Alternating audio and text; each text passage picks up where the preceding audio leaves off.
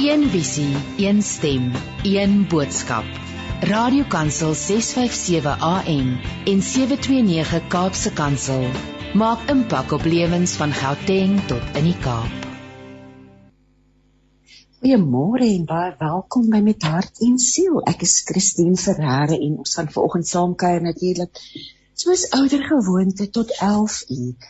Nou vandag gesels ek, ek het hierdie voorreg, 'n groot voorreg om met Rolien Strauss te gesels oor haar nuwe boek Herontdek jou selfvertroue, sewe stappe na 'n nuwe jy. En dan gaan Faith Dury, um, wat 'n geestelike beraader is, geestelike beraader vir ons um, die wysheid by die uit die skrif uitdeel oor die autoriteitsposisie wat ons as gelowiges beklee. En veral met verwysing na ons naam, die betekenis van ons naam en die mandaat wat deur ons naam geskep word. En dan gaan ehm um, julle aan die einde van ons program gaan Helena Hugo vertel oor haar jongste roman, ehm um, die die ompad terug. So ons sien baie uit daarna om ook om met haar te gesels. So jy is natuurlik welkom om saam te gesels. Um, ons ontvang graag stemboodskappe vanoggend ook. Um en natuurlik 'n WhatsApp 0826572729. Nou ek wil ons voorlees voordat ons begin 'n stukkie skrif uit Nehemia vanoggend en Nehemia 9 vers 8 sê: U Here is die enigste Here. U het die hemel met al sy sterre en planete gemaak, ook die aarde met al sy bewoners en die see met alles wat daarin is. U gee lewe en daarom buig die hemelse skare in aanbidding voor U. Hoe mooi is dit nie? En ons het nou net gehoor van William Shatner wat wat die ruimte gaan besoek. Ehm um, ja, die Here het alles gemaak, die hemel en die aarde. Ek wil ook nou begin om 'n um, stukkie voor te lees. Dit is eintlik die opdrag, die opdrag uh, ehm uh, um, stuk skryfsel uit herontdek jou selfvertroue, sewe stappe na nuwe jy. En Rolien sê hierdie boek word aan jou opgedra. Jy wat moeg is om met selfvertroue te sukkel. Jy wat moeg is om jouself teen die wêreld se weergawe van wat perfek is te meet. Jy wat smag na die moed en vertroue om jou drome vreesloos na te jaag. En dan sê Erlyn verder, hierdie boek word opgedra aan jou wat gereed is om jou selfvertroue te herontdek. Laat die soektog begin. En ek glo ons het nou vir Erlyn op die lyn. Hi Christine, hoe gaan dit? Ag, môre Rolien. Weet jy dit gaan met my goed. Hoe gaan dit met jou? Dit gaan vreeslik goed, dankie. Hoorie, ek wil net eers sê baie geluk met hierdie pragtige boek. Dis 'n lekker stewige boek. Hy's oeg, hy's baie baie um goud in hierdie boek weggesteek dink ek ek dink dis 'n kosbare boek vir 'n tyd soos nou en ons net weer met nuwe oë na onsself kan kyk. Um ek wil nou vir jou vra waarom het jy hierdie boek geskryf? Christine baie mense weet dat ek 'n uh, baie interessante sukkel met selfvertroue storie het. En ek het net besef dat ek my storie sal moet deel as ek enigsins mense wil help om saam met my deur hierdie selfvertroue sukkel te gaan. Ehm um, ek het net op die ouderdom van 16 jaar het my selfvertroue storie begin toe ek voor 'n uh, ou dame met 'n maatband moes staan op pad Parys toe vir modelwerk. En voor dit was ek 'n borrelende jong krulkop plattelandse meisie wat geglo het sy kan enigiets doen wat sy graag sou wou en toe daardie ouer dame die maatband om my heupe sit en vir my sê dis 95 cm ons moet dit afkry na ten minste 90 cm is dit amper asof iets binne my onmiddellik verander het. Ehm um, asof daardie perfeksie en daardie maatband asof ek dit saam met my saam met my geneem het en myself begin meet het in alle aspekte van myself en elke keer tekort geskiet het en waar die maatband het stywer en stywer en stywer getrek totdat ek nie meer kon kon asemhaal nie en in 2017 ehm um, met my finale jaar mediese studies met 'n jong babatjie in my een hand en en 'n teksboek in my ander hand het ek net besef daar moet meer wees aan die lewe as konstant probeer perfek wees. En in 2019 het hierdie selfvertroue herontdekking van my selfvertroue begin as deel van 'n baie persoonlike reis met God en tydens my meestersgraad in in afrigting en al hierdie hierdie stories hierdie um, navorsing wat ek gedoen het en ure se se afrigting met vroue wat sukkel met selfvertroue het ek besef dat ek soveel meer mense kan help as ek dit in 'n boek omsit. Relien, ek dink as 'n mens nou so na jou luister, ek ek, ek mens voel amper daai maatband styf trek om om 'n mens self ook, maar 'n mevrou Suid-Afrika, 'n mevrou wêreld wat sê ek sukkel met selfvertroue. Weet jy, ek wil jou eer vir jou eerlikheid en dat jy dit gaan gebruik hierdie hierdie uh, is 'n reis wat die Here jou opgeplaas het. Het jy dit gebruik deur hierdie boek om vroue se lewens te verander? Um, ek wil as mens net jou kyk sommer net as as wat as 'n buitestander sal mens sê maar daar's haar lewe is perfek alles alles lyk so perfek van buite af. En ek glo dis juist waar die krag lê nê nee, die feit dat jy eerlik is nou. Dit is so en ek dink dat wel ek glo alles in my lewe en alles in elkeen van ons se lewens gebeur met 'n doel en met 'n rede. En ek dink dit was nodig vir my om te besef dat selfvertroue nie lê in 'n kroon of in 'n titel of of in 'n graad of enigstens so iets nie. Selfvertroue lê baie dieper. En ehm um, oorspronklik het ek gedink en ek dink dit wat baie ander vroue dink is dat selfvertroue selfsugtig is. Hoekom moet ons selfvertroue hê? Hoekom moet ons glo uh, in ons eie drome en dit wat ons graag wil bereik? En ek het net besef dat selfvertroue die teenoorgestelde van selfsugtig is, want God het 'n droom en 'n plan met elkeen van ons se lewens, maar as ons nie daardie vertroue het in ons vermoëns om of in ons in ons godgegewe talente en ons vermoëns om daardie ehm um, doel uit te leef en daardie plan uit te leef nie, dan is dit amper asof ons 'n emmertjie oor ons liggie plaas. So selfvertroue ehm um, kan amper gesien word as 'n superpower as ek dit so kan sê, wat jy net daardie drome wat God in jou hart geplaas het, soveel meer met soveel meer ambisie kan uitleef. Ja, kom ons praat oor die boek self want dit is 'n dis 'n interessante boek. Die die eerste deel, deel 1 is die verhaal van jou selfvertroue. Dis amper uh, wel nie amper dit is autobiografies waar jy vir ons vertel en dis eintlik 'n heerlike reis. En dan kom die volgende deel. So ek wil vir jou vra, vertel vir ons 'n bietjie meer oor hierdie formaat van die boek. Dis interaktief, dit sluit eksperimente en werksopdragte in. Wat was jou plan met hierdie formaat? Ja, so ek het die boek spesifiek geskryf. Jy het dit nou so mooi gelees, maar spesifiek vir vroue wat sukkel met selfvertroue en eintlik maar moeg is daarvoor dat hulle gebrek aan selfvertroue hulle keer om hulle volle potensiaal te bereik. Dit kan jong meisies wees, dit kan meisies op skool wees, op universiteit, dit kan werkende vroue wees. Vroue wat iets wil bereik in hulle lewe, maar voel dat daar iets is wat hulle terughou.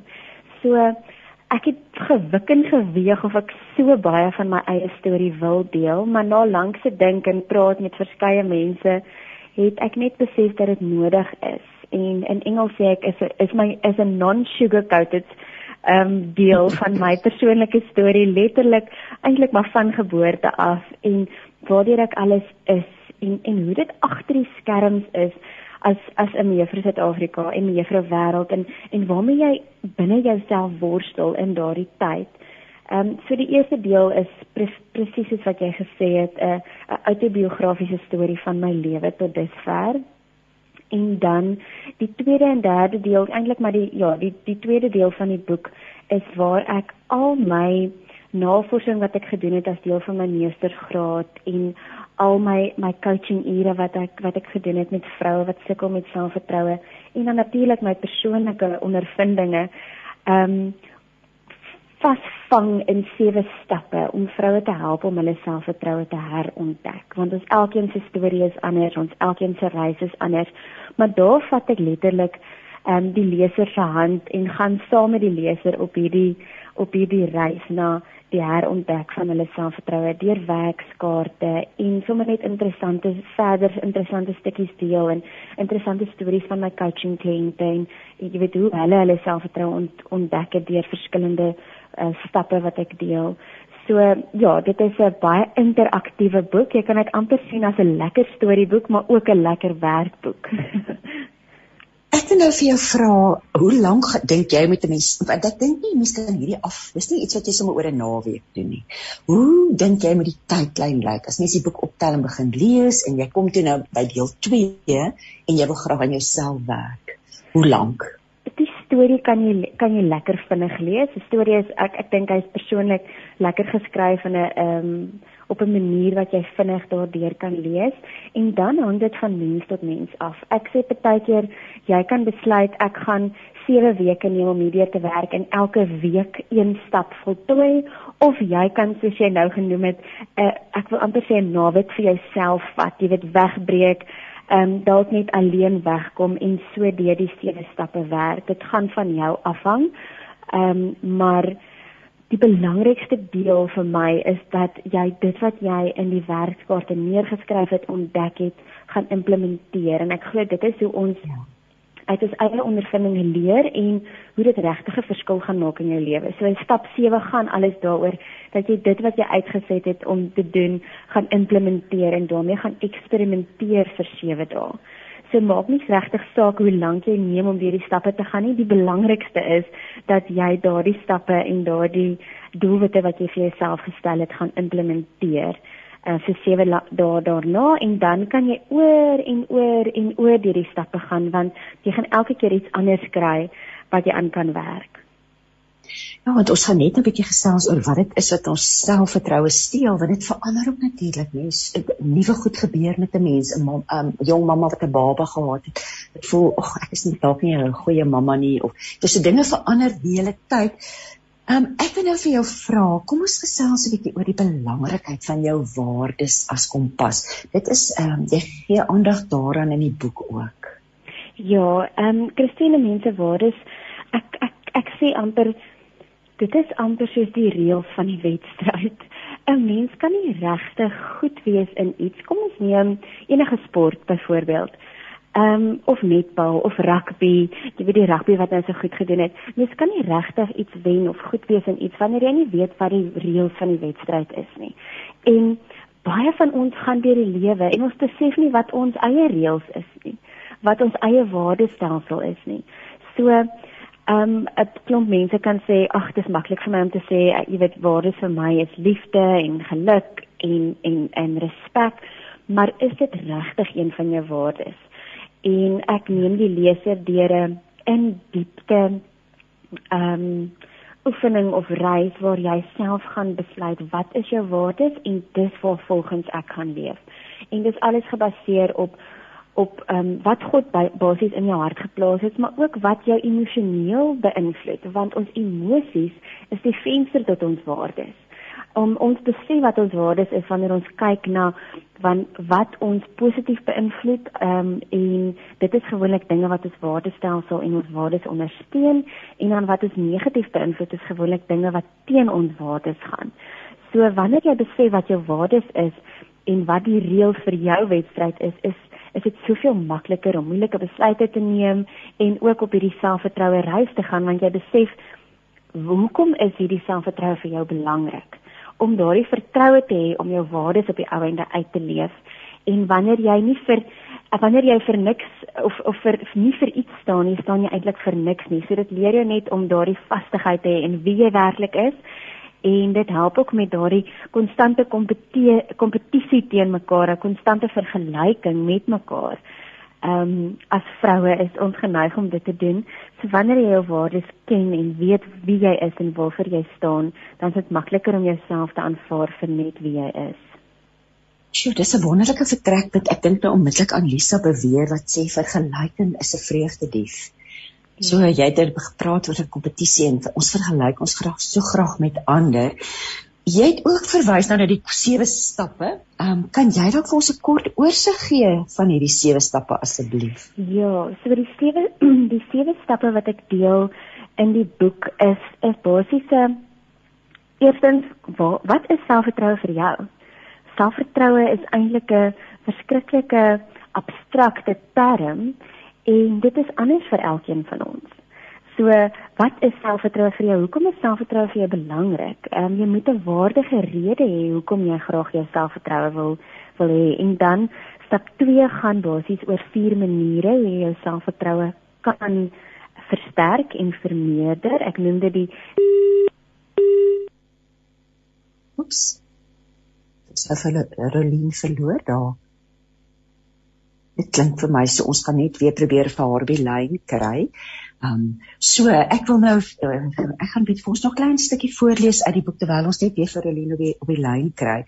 Begin so mooi die storie sê ek was op pad Parys toe. Dit was 'n lentemiddag in September 2008. Ek was net 16 jaar oud en ek het die kans van 'n leeftyd in die holte van my hand gehou. Ek het 'n paar maande tevore by 'n modelkompetisie raak gesien en 'n 3 maande kontrak by die gesogte elite models in Parys, in die hoofkantoor in Parys aangebied. Paar weke voordat ek en my ma na Parys vertrek het, moes ek 'n agent van die modelagentskap in Pretoria ontmoet. Dit is my ma te skoon neem. Sy het 'n maatpunt opgetel en my heupe gemeet. Dis 95 cm het sy met opgetrekte wenkbraue gesien. Ons sal dit tot ten minste 90 cm moet afbring dametjie. Ek is ingelig dat ek spesifiek dat ek spesifieke maats moet hê vir werk as 'n internasionale model, 'n spesifieke lengte, 'n spesifieke spesifieke middellyf en heupmaat. En dit was die begin van 'n verandering in my. Die bruisende natuurlike selfvertroue wat altyd deel van my was, het begin wegkwyn. En die jong vrou wat geglo het sy kan enigiets baas raak as sy haar bes doen, is skielik van stryk gebring.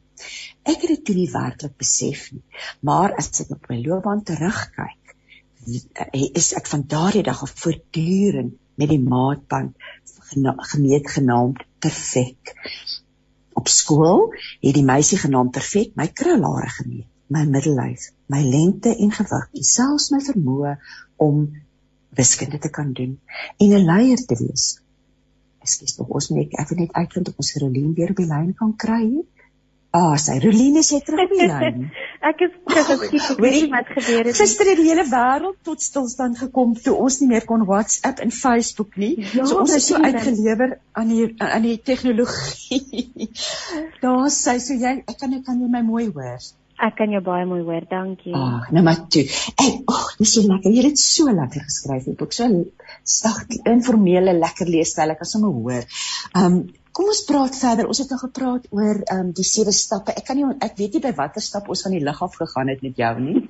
Um maar kom Wil jy miskien net vinnig net so vinnig die sewe stappe weer vir ons gee asseblief? Okay, ek gaan net so oorsig gee, nie noodwendig spesifiek watter stap wat is nie, maar baie belangrik om te weet wat selfvertroue vir jou is en hoe jy jou selfvertroue dan kan opbou, maar ook wat is besig om jou selfvertroue te steel. Waaraan kan wat kan ons voorkom um, om sodoende te keer dat daardie dinge ons selfvertroue steel en dan raak ons verskriklik spesifiek want ons kry algemene selfvertroue en dan kry ons spesifieke selfvertroue. So jy mag dalk in 'n sekere area van jou lewe baie selfvertroue hê, maar op 'n ander area dalk minder selfvertroue hê. So hier raak ons baie spesifiek in 'n sekere area van jou lewe, byvoorbeeld jou fisiese gesondheid of dalk jou geestesgesondheid, ehm um, of jou geloof, 'n spesifieke area van jou lewe gaan ons ehm um, op fokus en dan gaan ons 'n paar doelwitte stel, reis deur tyd, visualiseer waar wil jy graag wees? Hoe sien jy jouself wanneer jy daardie selfvertroue het om jou drome na te jaag? En dan is die belangrikste deel om te implementeer en om te doen wat jy sê. Kom ons praat jy nou verwysend tot verskillende tipes. Dis vir baie interessant en mens dink eintlik dit nou dat jy dink daaraan as 'n kombersgedagte. Ehm um, selfvertroue. Maar ek wil nou 'n bietjie vir jou vra, wat is daardie goed wat ons selfvertroue steel en hoe keer ons dat dit gebeur? Ehm um, Christine, daar's verskeie dinge wat ons selfvertroue steel en met verskriklik baie navorsing het ek afgekom op 'n man met die naam Albert Bandura wat eintlik die vader van selfvertroue of in Engels is dit eintlik self-efficacy is. Ehm um, maar hy deel vier krane of vier bronne van selfvertroue. So hierdie vier dinge kan of jou selfvertroue opbou, maar dit kan ook jou selfvertroue steel. En die eerste ding is ervarings van bemeestering. So dit is op 'n op 'n baie ehm um, ek wil amper sê 'n vlakkige manier, maar wanneer ons klein doelwitte bereik, bou dit ons selfvertroue op. Maar wanneer ons nie ons doelwitte bereik nie, steel dit ons selfvertroue. As ek byvoorbeeld sê, jy weet ek wil hierdie week elke dag Bybelstudie doen, ek wil kwaliteit tyd met my kinders spandeer en ek wil gesond eet en hard oefen en ek doen dit nie, dan steel dit eintlik maar ons selfvertroue. Um, en dit kan op verskeie areas van ons lewe wees. Die tweede een is sekondêre ervarings. So sekondêre ervarings is wanneer jy iets beleef deur die aksies van iemand anders en dit is waar rolmodelle so belangrik is. Ek weet nie of jy al ooit beleef het hoe waardevol dit is om te sien dat ja. iemand anders deur dieselfde struikelblokke gaan as jy en dit oorkom het nie.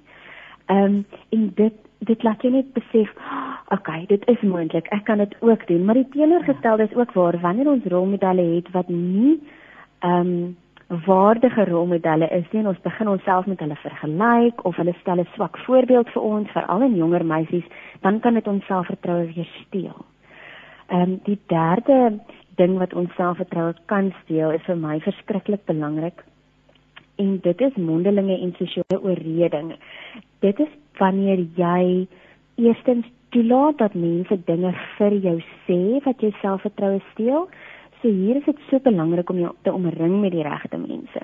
Die regte mense om jou kan amper wees soos ehm, 'n um, lemmetjie of 'n of 'n mens in 'n chirurg se hande. Dit kan of 'n lewe red of dit kan 'n lewe steel. Ja.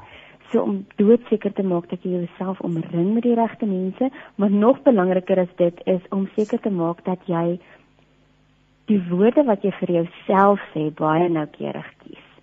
Ehm um, hoe maklik is dit nie vir ons om te sê ag ek kan dit nie doen nie of ag jy weet ehm um, ek is nie goed genoeg nie of kyk net ek is nie goed so goed soos daardie persoon nie of ek is nie so mooi soos daardie persoon nie. Dit steel bietjie vir bietjie aan ons aan ons selfvertroue en dan laastens is fisieke en geestelike welstand.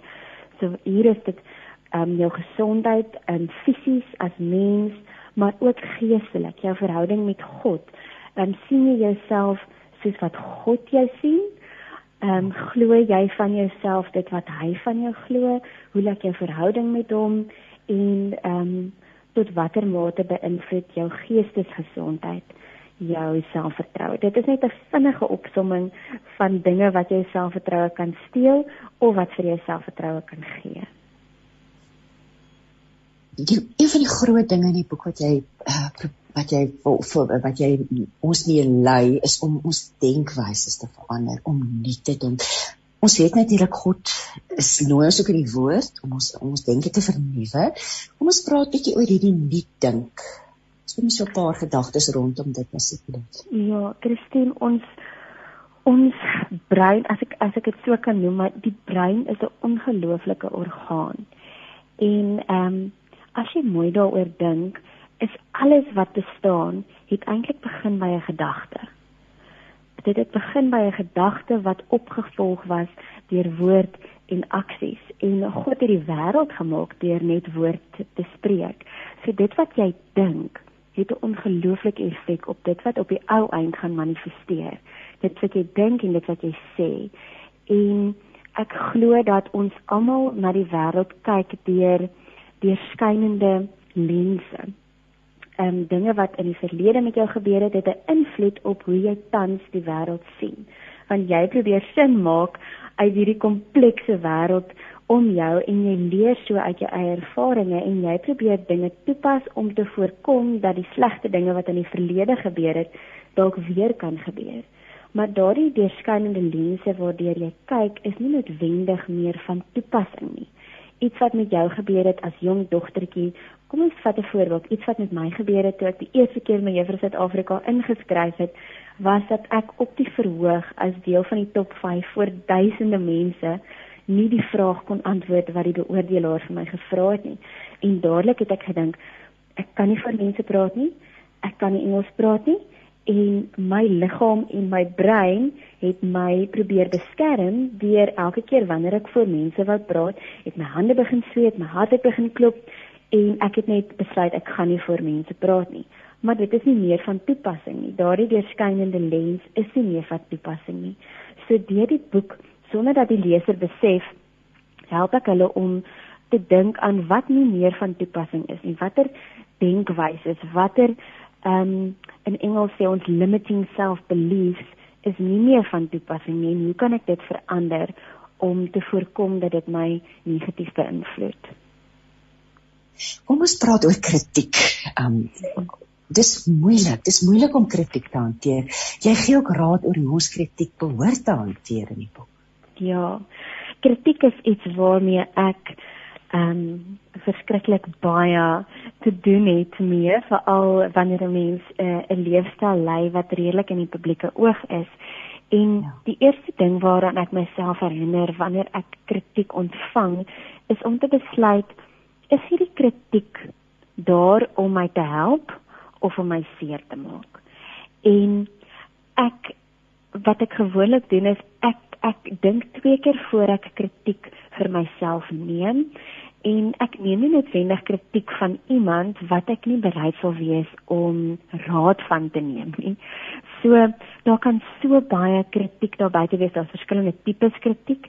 Ons kry kritiek wat van ander mense afkom, byvoorbeeld self um, op sosiale media maar die belangrikste is om hierdie kritiek te identifiseer as of konstruktiewe kritiek byvoorbeeld wat kan lei tot persoonlike groei en en jou help om 'n beter weergawe van jouself te wees.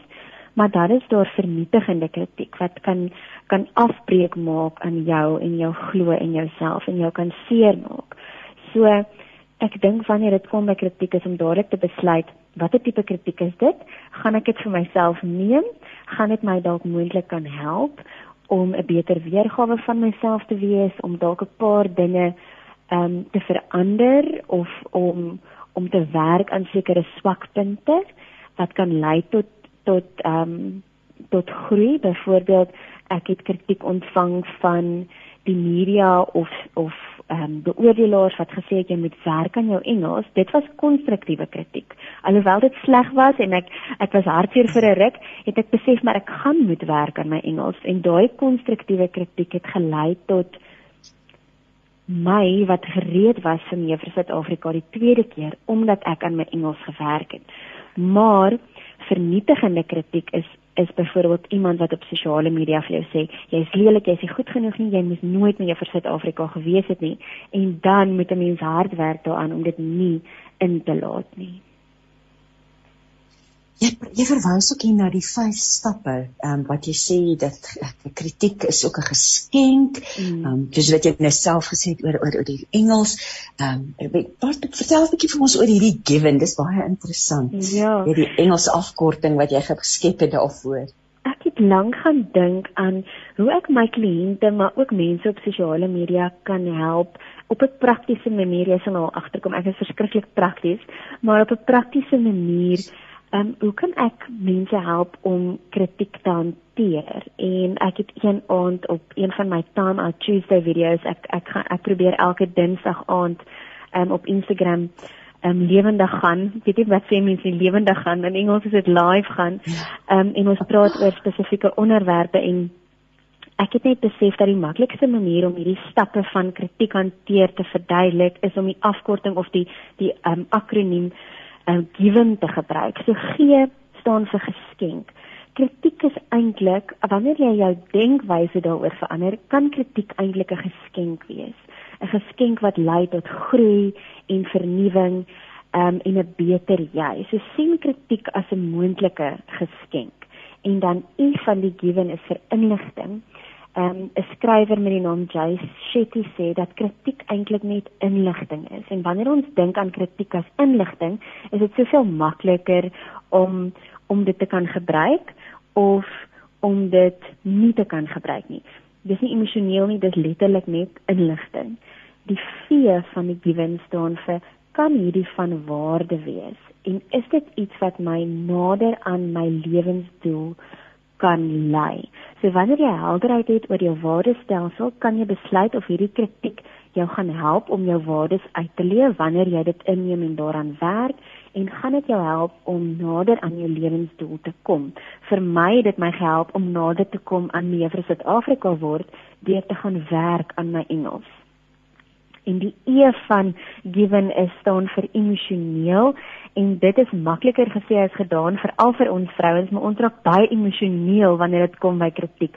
Maar om net 'n stapie terug te neem en asemhaal en te dink okay my reaksie is my verantwoordelikheid en ek kan of baie emosioneel hieroor reageer of hierop reageer of ek kan net 'n bietjie terug staan en hierdie kritiek as inligting sien en dit mag dalk net waardevol wees vir my en dan die laaste stappie en vir given staan vir nee of dalk ja. So nadat jy al hierdie dinge in ag geneem het en besef het dat hierdie dalk 'n geleentheid is of 'n geskenk is. Hierdie kritiek is inligting. Dit mag dalk net van waarde wees. Ek is nie te emosioneel hieroor nie. Kan jy besluit? Nee, ek gaan hierdie kritiek nie neem vir my nie. Ek gaan nie emosioneel daaroor raak nie en ek gaan nie dit gebruik om my te help groei nie of dalk ja, dit kan dalk 'n geleentheid wees wat my kan help groei. Ja, makliker gesê is gedaan. ja, net so. maar weet jy wat ons moet bewustelik hieraan werk. Anders ons gaan dit ons vreugde steel en ons gaan nie doen wat die Here ons voorgeroep het nie, nê. Nee. Jy kom dan by by by 'n eksperiment uit wat sê fokus op jou fisieke en geestelike welstand. Ja. Ons praat 'n bietjie daaroor. Wat watter rol speel dit as dit kom by selfvertroue? Ek dink dit hang maar van mens tot mens af, maar ek weet dat in my lewe is my fisiese en geestelike gesondheid verskriklik belangrik en dit het 'n verskriklike groot invloed op my vermoë om in die oggend op te staan en my bes te gee elke liewe dag. So ek weet nie van jou nie, maar wanneer ek gemaklik voel in my lyf en wanneer ek voel dat ek na die tempel wat God vir my gegee het kyk, is dit amper asof alles anders makliker is. Ek staan makliker op ek spandeer makliker kwaliteit tyd met my seentjies, ek het energie, ek kan rondhardloop. So dit het regtig 'n groot effek op my selfvertroue, maar net soos wat die fisiese gesondheid het, het die geestelike gesondheid ook. En ehm um, dit is dit is nou mental awareness um, maand of of week en ek dink ons almal besef ook um, veral met die laaste moeilike tyd waardeur almal is. Ja um, besef ons hoe belangrik geestesgesondheid is en watter effek dit op jou selfvertroue en vermoë om jou volle potensiaal te, te bereik. Um, hoeveel impak dit daarop het. En dan jou verhouding met God. Um, wanneer ons ons vertroue nie net in ons eie vermoëns het nie, maar ook in dit wat God vir ons beplan.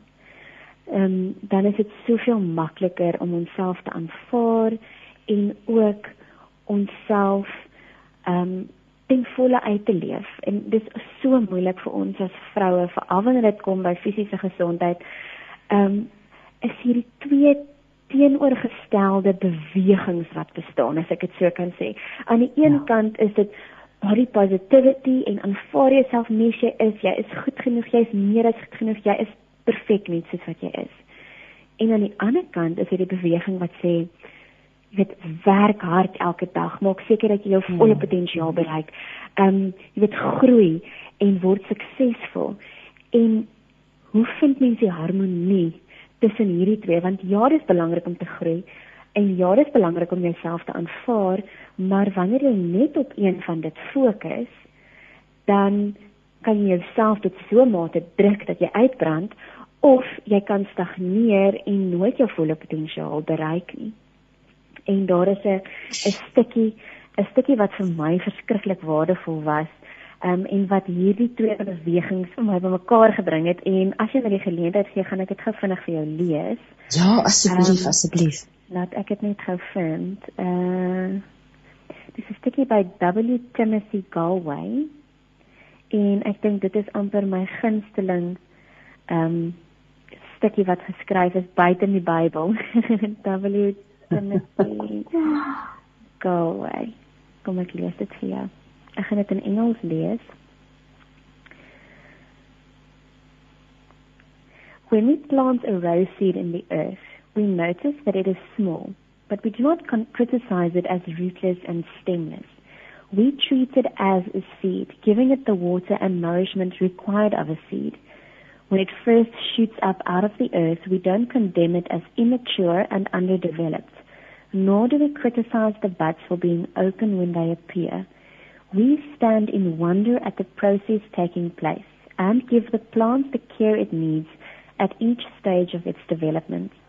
The rose is a rose from the time it is a seed to the time it dies. Within it, at all times, it contains its whole potential. It seems to be constantly in the process of change, yet at each stage, at each moment, it is perfectly all right as it is. En dit is vir my so mooi om om te sien hoe die fisiese gesondheid en die geestelike gesondheid bymekaar kom waar die fisiese gesondheid dalk daai deel is van jou wat wil groei en suksesvol wees maar die geestesgesondheid sê vir jou ja jy kan groei ja jy kan jou volle potensiaal bereik ja God het soveel groot planne en drome met jou lewe maar jy's okay presies waar jy nou is ehm um, jy's okay waar jy nou is. Ja jy gaan groei maar jy's jy's perfek net waar jy nou is. Dis ook vir my dis ook mooi. Jy verwys na hierdie stryd wat ehm um, nie vrouens wat sê dis werklik stryd. Ek stinkel om gewig te verloor of oor my liggaam anders oor my liggaam te dink.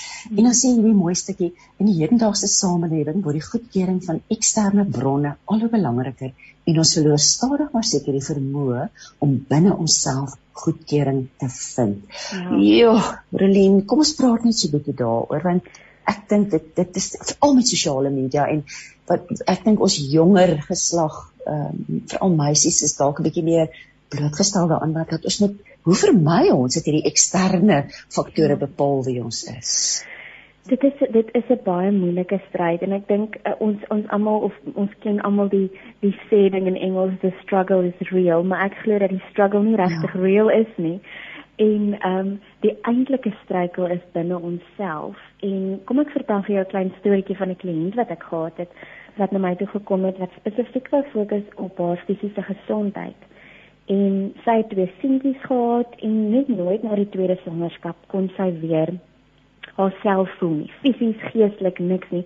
En sy het geglo dat die eerste stap is om te gewig te verloor en sy het vir maande lank probeer maar nooit regtig iewers gekom nie.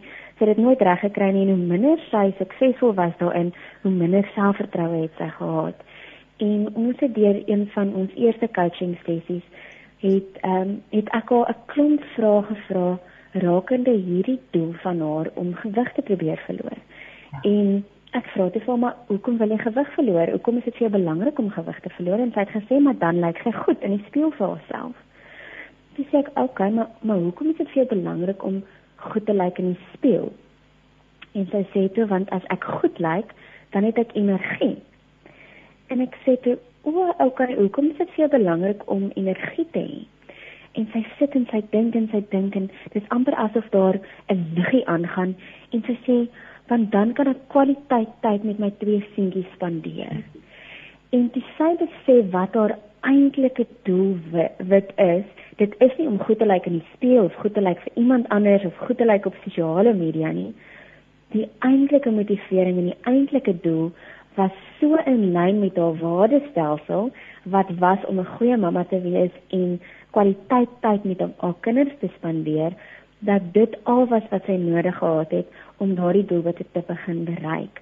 So dit kom weer terug na jou waardestelsel en wat regtig vir jou belangrik is en hoekom jy jou selfvertroue wil hernie of herontdek. Dit gaan nie noodwendig oor goed lyk like, of goed in jou bikini op die strand lyk like Desember nie. Ja, dit is dalk 'n bystaak, maar wat is jou eintlike motivering? En wanneer dit in lyn is met jou waardestelsel, is mens soveel meer gemotiveerd en geneig om jou doelwitte te bereik en meer selfvertroue te hê. En dis natuurlik hierop weer 'n kwessie van verander jou denke net so. Net so. Daardie anders op iets Ja. Dis tog. daardie daardie deurskynende lens waardeur sy gekyk het was ek wil gewig verloor want ek wil goed lyk. Like.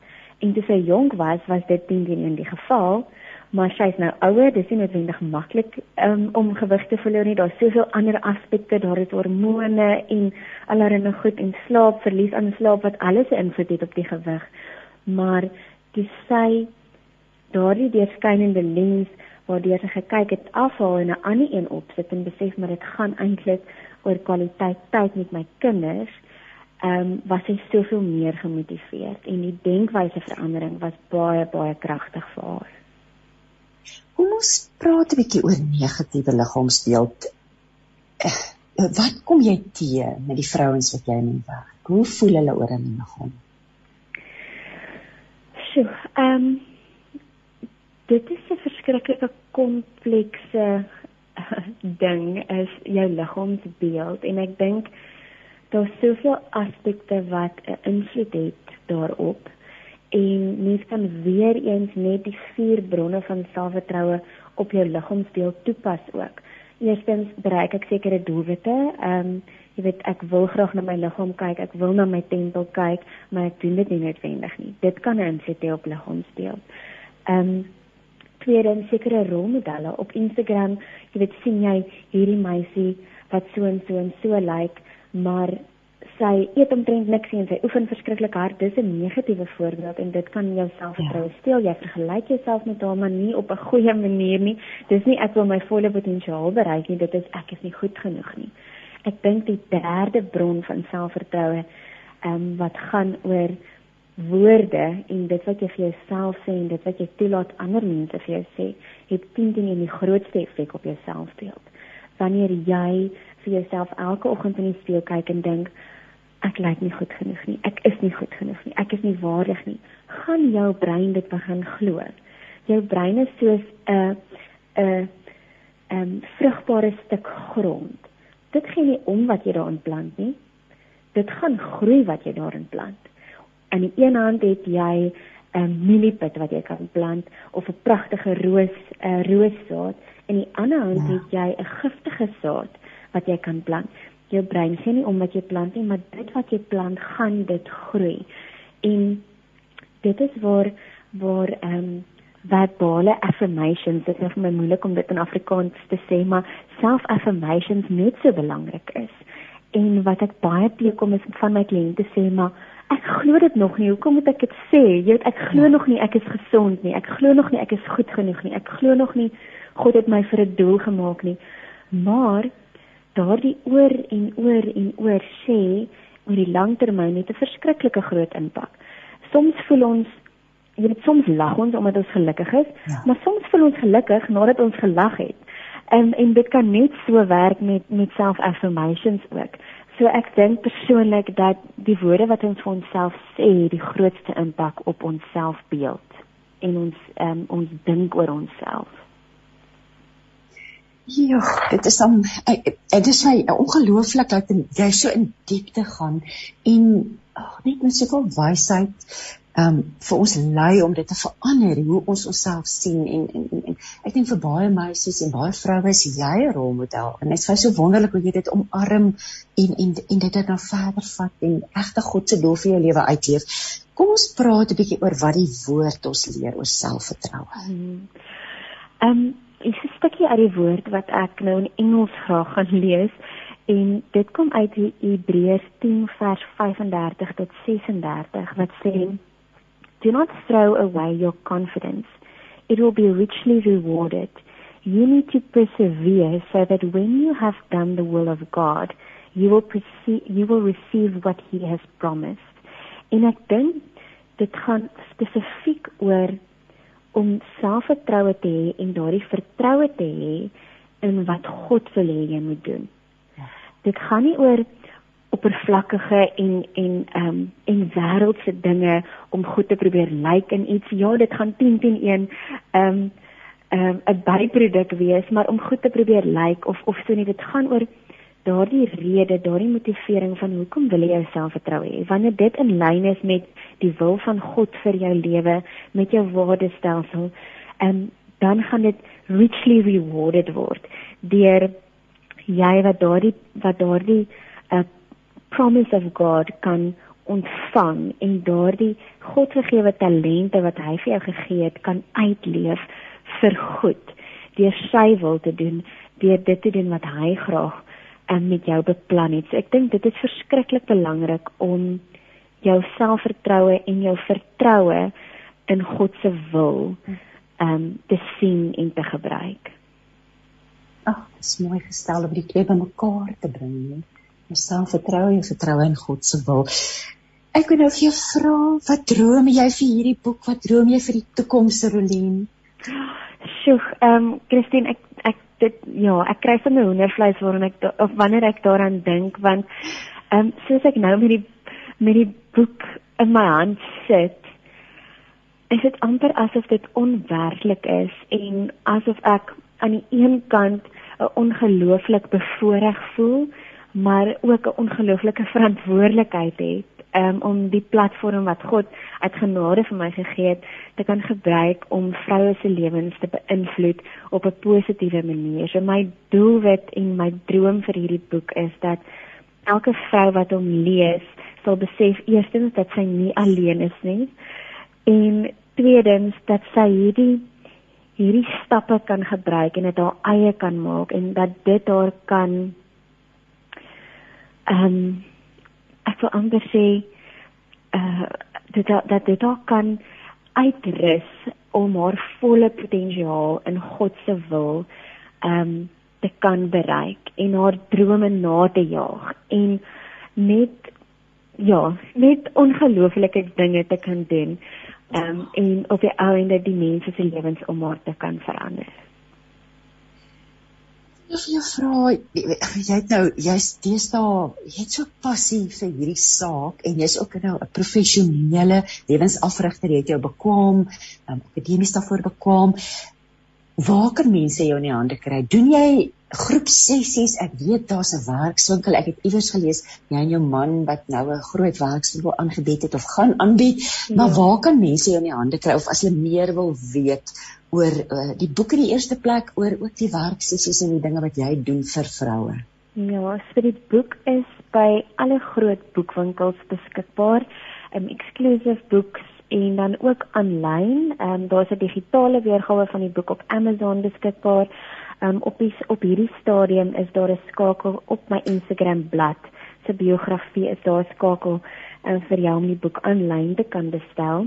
So dit is waar jy die boek in die hande kan kry. En dan ek deel meeste van die inligting oor werkswinkels soos wat jy nou genoem het werkswinkels wat ek ek en my man aanbied werkswinkels wat ek teen teen in die toekoms gaan aanbied. Alles op my Instagram en Facebook bladsy jy is meer as welkom om my daar te gaan volg. Dit is Relien Strauss en maak net seker dat jy uh, kyk dat die Relien Strauss wat jy volg die blou regmerkie langs aan het Ehm um, en dit wys jou dat dit die ja. regte een is om te volg. En dan um, vir meer inligting oor my coaching sessies wat ek ek ek doen ook 1 tot 1 coaching sessies. Ek ehm um, doen dit nie ek het verskriklik min plek daarvoor, maar kan jy gerus my webtuiste besoek www.relinstrauss.com. Ja, oh, Relin, Jy's 'n besige vrou en 'n ma van twee pragtige seuns, as ek dit nie mis dit nie en ag, ek wens net vir jou alles seën. En ek wil dankie sê dat jy vandag met ons gesels het. Dit is so van waarde alles wat jy gesê het en ons gaan dit saam met ons verder dra. Ek wil net vir ons luisteraars herhaal. Die boek word uitgegee deur um, Tafelberg en um, die boek se naam is Herontdek jou selfvertroue: Sewe stappe na 'n nuwe jou. Jy met 'n pragtige foto van Roline op die voorblad.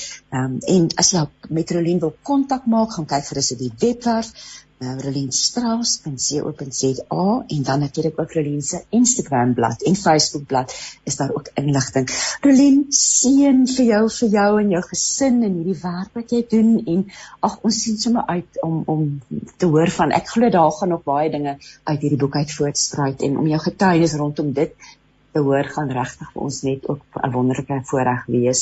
Maar ja, ons is aan die einde van ons gesprek. Laaste gedagtes van jou kant af? Christine, baie dankie vir die voorreg. Dit is my heerlik om vandag met jou en al luisteraars te kon gesels. En ehm um, ek is ja, ek is regtig dankbaar vir die geleentheid en ek hoop julle het 'n geseënde dag en week verder en dat elkeen van julle weet dat waar ook al jy tans in jou lewensreis is, jy is okay, dis presies waar jy moet wees. Ja, daar's wonderlike dinge wat voor lê, maar jy is presies waar jy moet wees op hierdie stadium. Een visie, een stem, een boodskap. Radiokansel 657 AM en 729 Kaapse Kansel maak impak op lewens van Gauteng tot in die Kaap. Jy luister dan met hart en siel.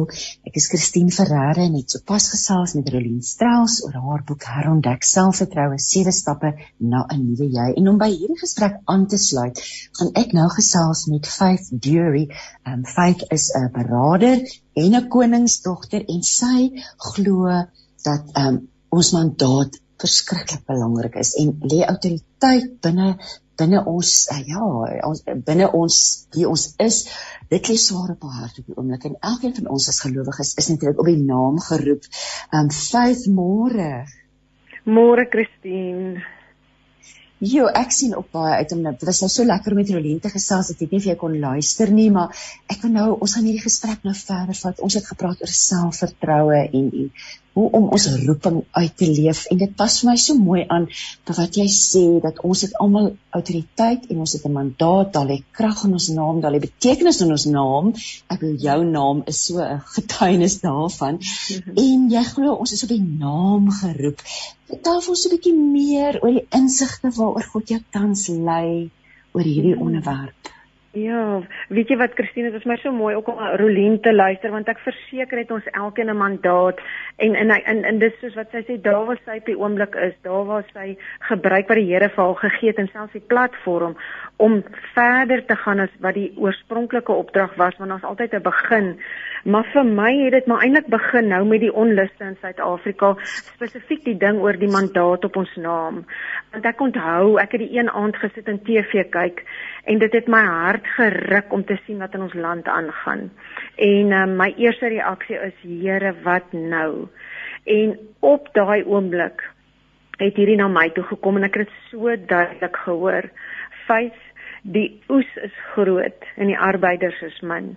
Hmm. En dit was vir my so, dit was vir my op daai oomblik wat ek so angstig nogal gevoel het en hierdie duidelike Matteus 9:36 die oes is groot en die arbeiders is min en ek het gesê Here ek verstaan nie wat dit hierdie met onluste te doen nie maar ek hou vas aan hierdie mosterdsaadjie.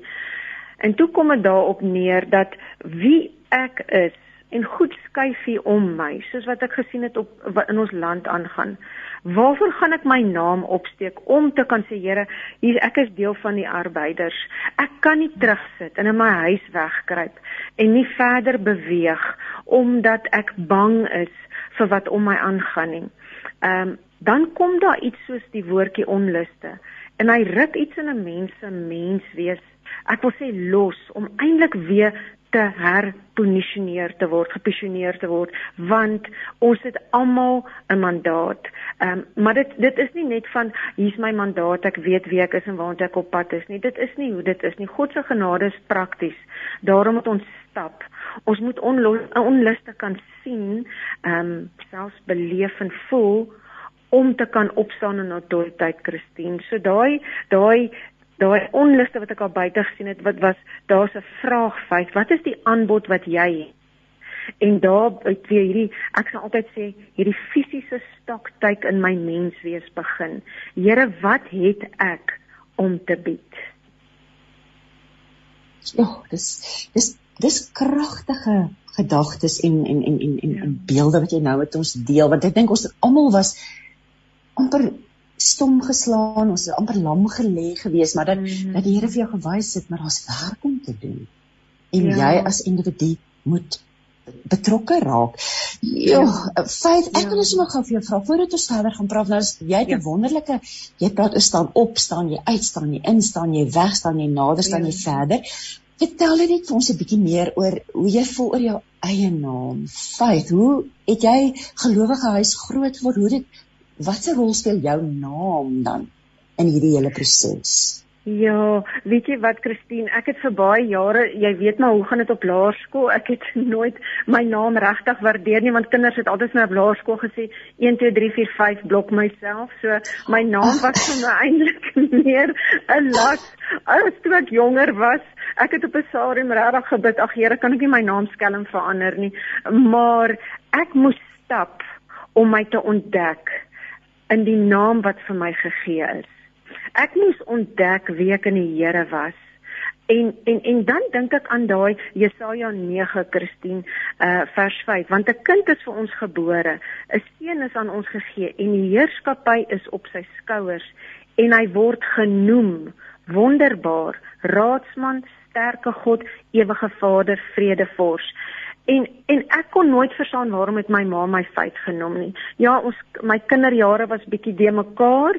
Ehm um, ek het in 'n Christenhuis groot geword, maar dis maar wat ons almal sê jy jy moet kerk toe, jy moet jeugaande toe, maar in my hart wou ek nie ek was opstandig. En God staan, hy staan terug, hy respekteer ons keuse. Maar toe ek ek wou amper so op 40 eers begin in my naam in beweeg het. Here, hoekom is my naam Faith? Waarom het ek hierdie naam gekry as ek hom nog nooit regtig myne kon maak nie? En ek het op 40 eintlik eers uit my angs en my depressie gestap. Altyd geweet daar's 'n God wat vir my lief is, maar ek het nooit geweet om die liefde te vat en myne te maak want hoe kon ek liefde myne maak as ek nie geweet het wie ek is nie? En toe ek op die, op 40 opstaan en sê Here, ek is nou so moeg vir my eie gesig, my eie naam, my eie mense, kom vernuwe. En God het nie vir my op daai oomblik 'n ander naam gegee nie. Hy het my nog steeds geroep, Faith my beloved daughter. En en dit was vir my so mooi. En die geskenk was nog altyd daar. Ek moes dit net oopmaak. So toe ek begin lief word vir myself, Christine, en vat wat die Here vir my gegee het, dit was die grootste geskenk want almal om my was vir my lief. My man my kinders my my mense maar kon nie vir myself lief wees nie. En dis die geskenk. Dis die sleutel om oop te sluit wat in jou naam is. En en en ek het hierdie stukkie hy's groot geprint hier in my huis teen my bord in my kantoor. En dit sê when god knows my name it means that i matter to him It means He cares about me. It means that what I do and who I am is important to Him. In this vast and enormous universe filled with millions of people, I matter to Him because He knows my name. En daarom weet ek, ek het 'n mandaat. Ek weet presies waar my hand op te steek en waar nie my hand op te steek nie. Ek weet waar's my sterkpunte en ek weet waar's my minder sterkpunte. Maar dit bly 'n daaglikse journey en 'n daaglikse keuse. Faith, ek dink ons luisteraars ken jou, baie van hulle ken jou as uh, Faith van die Faith deur die kussings, die gebedskussings wat jy so 'n lang pad mee geloop het al.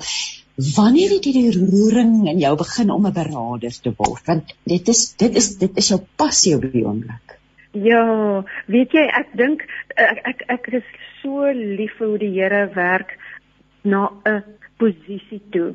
Ek dink as die Here my van uit my depressie tot uh, dadelik by 'n beraader uitgekry, dink ek het ek weer 'n angsaanval gekry, want die Here is so fyn sin vir humor en hy hy, hy ken ons elkeen se ritme. So hy het geweet, kom ons skryf vir 5 eers op haar knieë. Fyn, ek gee die opdrag om 'n gebedskussing te maak.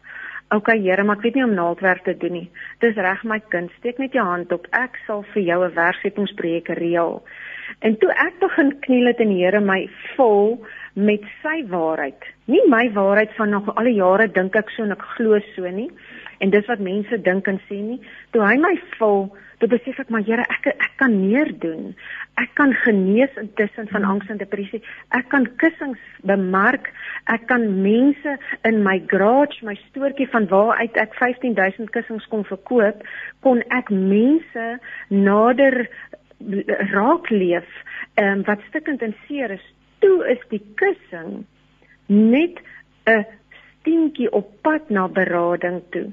Want as ek nie daai selfvertroue kon opbou sou die Here hy sou dit ek sou dit ek sou dit verseker moeiliker kon hanteer. En omdat ek kon sien wat die behoefte is dat die kussing maar net 'n stepping stone is om die mense by my uit te kry het ek besef Here maar daar's meer Here, daar's meer en hy het my in die oggendure wakker gemaak en vir my gefeit gesê, "Fys, moenie net parkeer by die kussingprojek. Daar's meer, my dogter. I love you. I have called you by your name."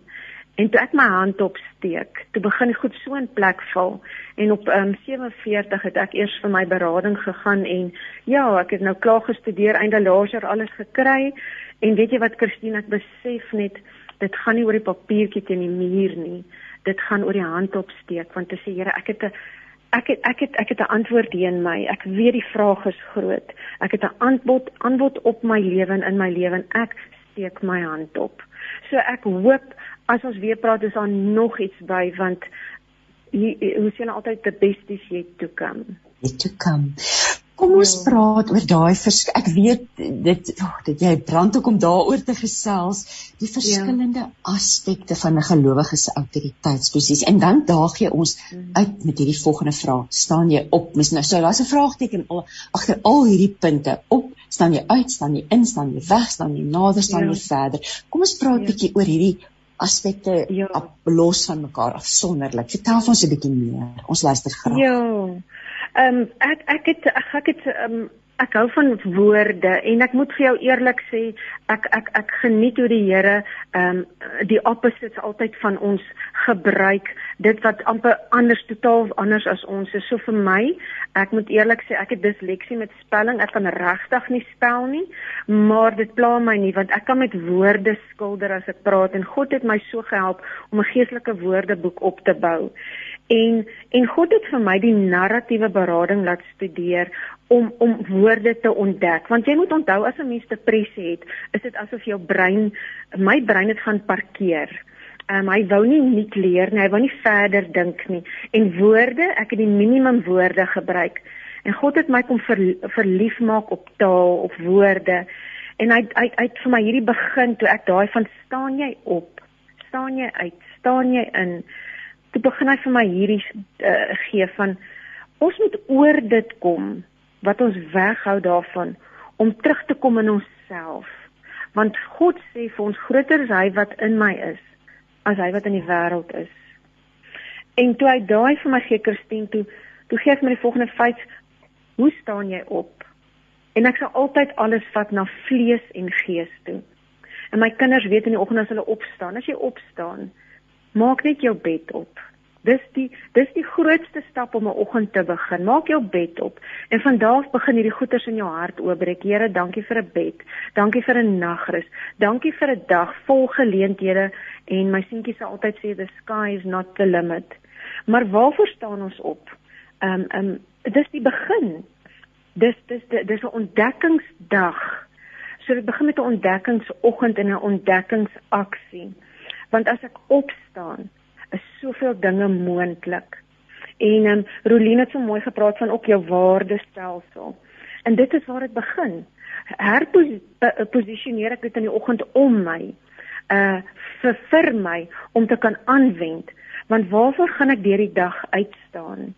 Waarvoor wil ek vandag aan die einde van hierdie dag uitstaan? Ehm um, waarvoor gaan ek my hand opsteek? En dan altyd terugkom dit vir my Christina as ek nie weet wie ek is nie hoe gaan ek weet waar my hand op te steek? En dan sê ek ook God se genade het nie 'n vervaldatum op nie. Ek kan nie sê ek gaan vandag nie foute maak nie.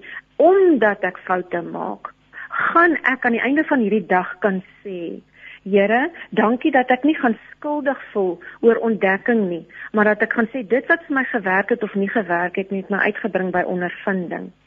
So my uitstaan vir hierdie dag en my bring by ek het my hand opgesteek en ek het agtergekom ek is toe nou nie so goed hiermee nie of ek is beter daarmee. Here, dankie dat ek kon uitstaan deur ondervinding want ons kan nie heeltyd in die posisie bly van ek voel skuldig nie. Ehm um, skuldig is is 'n profound plekkie om ons uit te bring by ondervinding. En dan staan jy in. Waarvoor gaan ek instaan?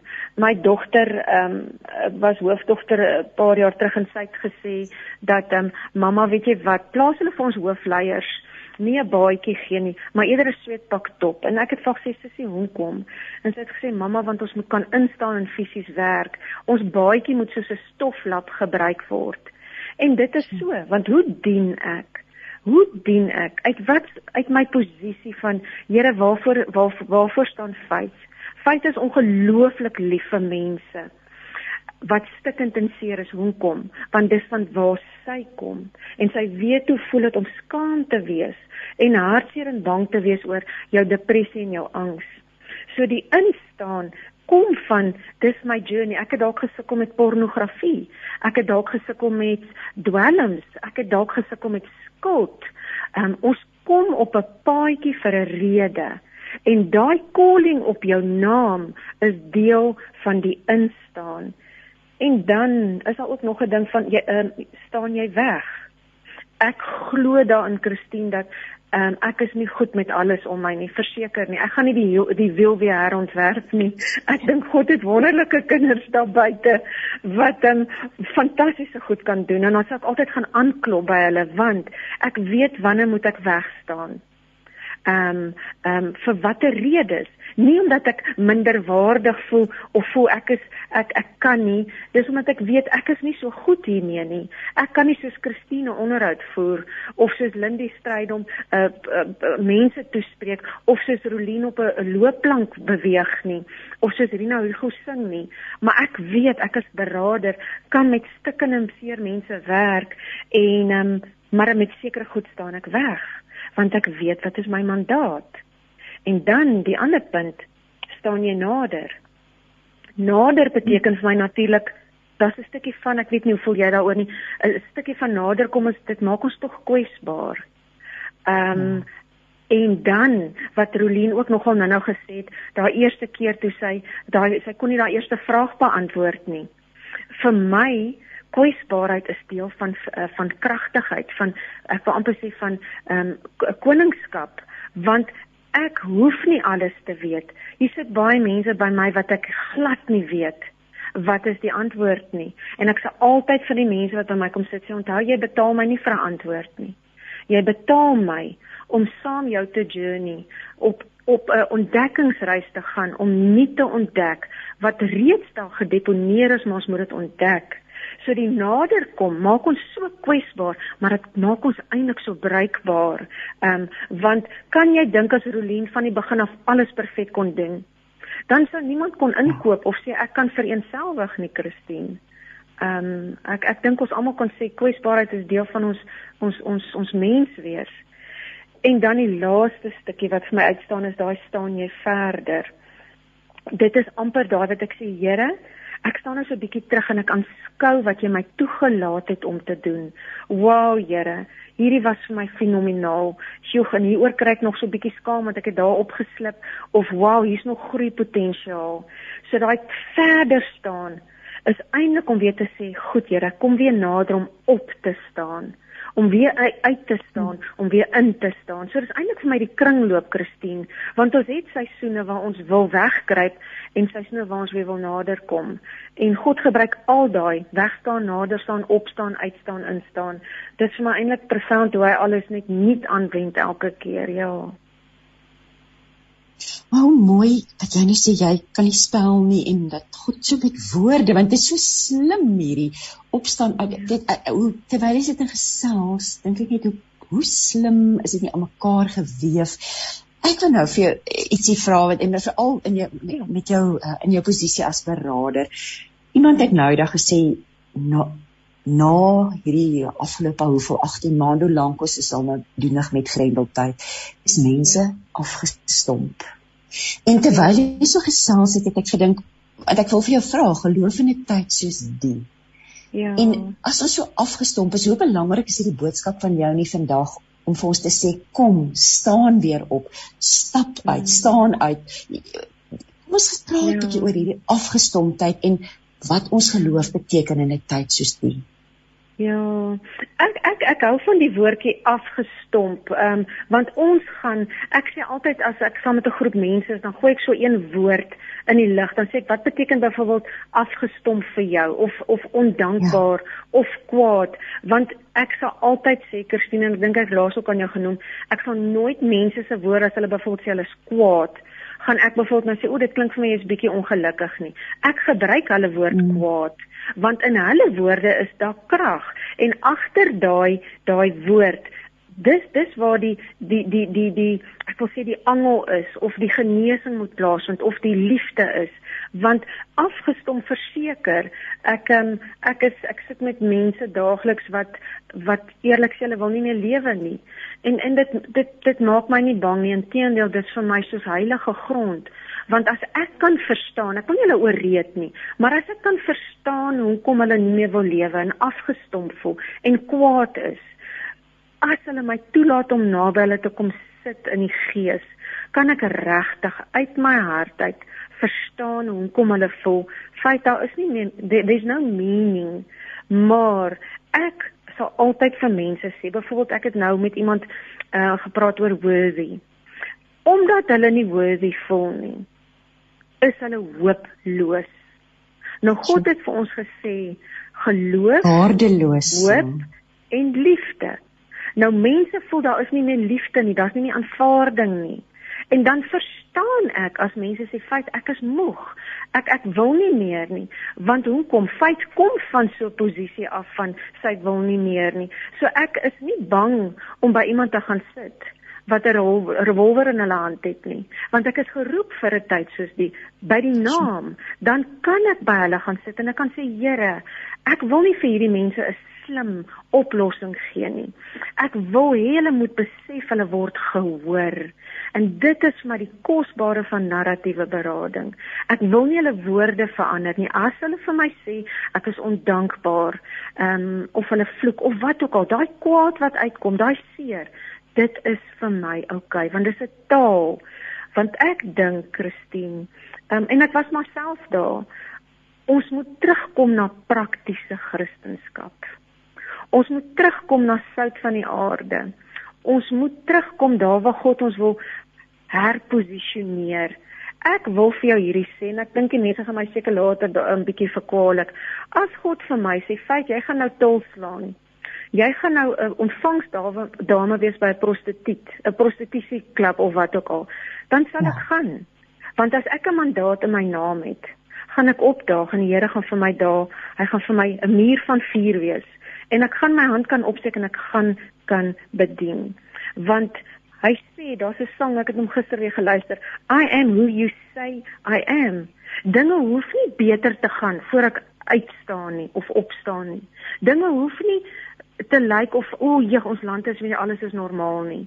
Ons is geroep vir 'n tyd waar dinge nie normaal is nie. Ons is geroep om nader te staan.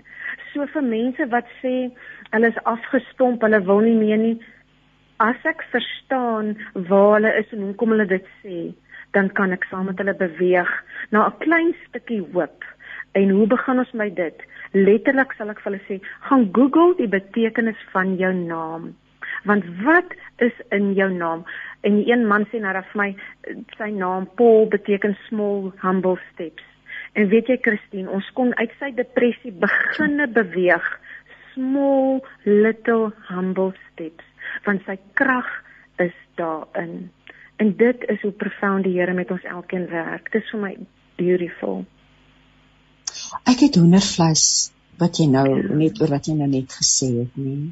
Ja. En dat en, en, en, en my volgende vraag was ek wou vir jou vra so waar begin ons? Ons begin en dis so eenvoudig soos dit gaan Google die betekenis van jou naam. Ja, ja, want weet jy wat? As ons as ons nou gaan sê kom ons kyk mense wat ek mee werk is so moeg vir detail, Christine. Mense is is oormoeg. Hulle wil regtig vyf gee ja. net vir my die oplossing. Dan sê ek ekskuus, nee, dan gaan ek jou geld vir jou teruggee.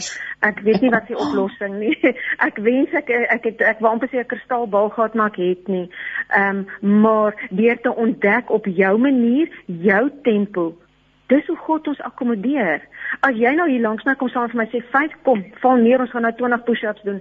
Ek sê dan vir ek gaan dadelik 'n angsaanval kry.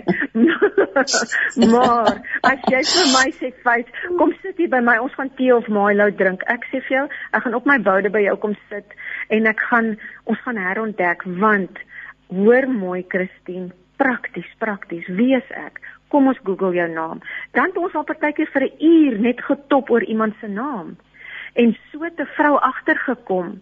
Haar haar naam is beautiful en sy kon nooit die beauty in haar sien nie. Ja.